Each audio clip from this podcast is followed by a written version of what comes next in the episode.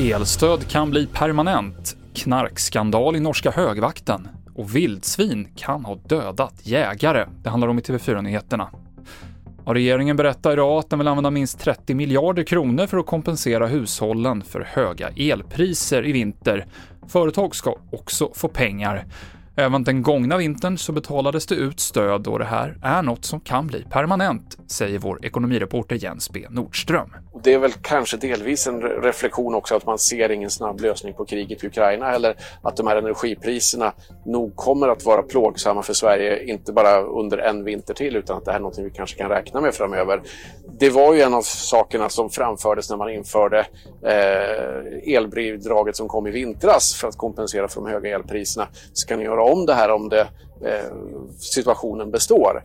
Och det är väl lite grann det vi ser nu, att nu börjar insikten landa hos politiker att den här situationen kan nog hålla i sig ganska länge och därför bygger man nu för att göra ett mer permanent system av de här kompensationerna. Mer om elkompensationen på tv4.se. En man hittades död i ett jakttorn i Eksjö kommun idag. Polisen säger att mannen troligen mött ett vildsvin i skogen som skadat honom så svårt att han senare avled. Daniel Lingne, som är riksjaktvårdkonsulent, säger att det är väldigt ovanligt att vildsvin angriper människor. I Sverige har det aldrig tidigare hänt att någon har dödats av vildsvin. Vi har en kanske handfull incidenter där, där vildsvin har skadat människor. Och då är det i samtliga fall jag känner till vildsvin som är skadade.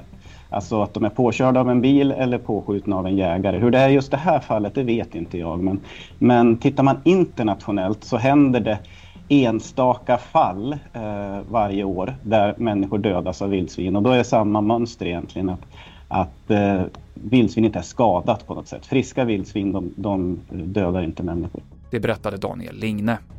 Och 30 soldater från den norska högvakten sparkas från försvaret för att ha använt droger, bekräftar den norska armén idag. Det var efter en privat fest under en permission tidigare i somras som försvaret tipsades om att värnpliktiga använt olagliga droger och sedan dess har sammanlagt 30 värnpliktiga från Kongens garde trätt fram och erkänt att de knarkat under permissioner. Senaste nytt finns på tv4.se. I studion idag Mikael Klintevall.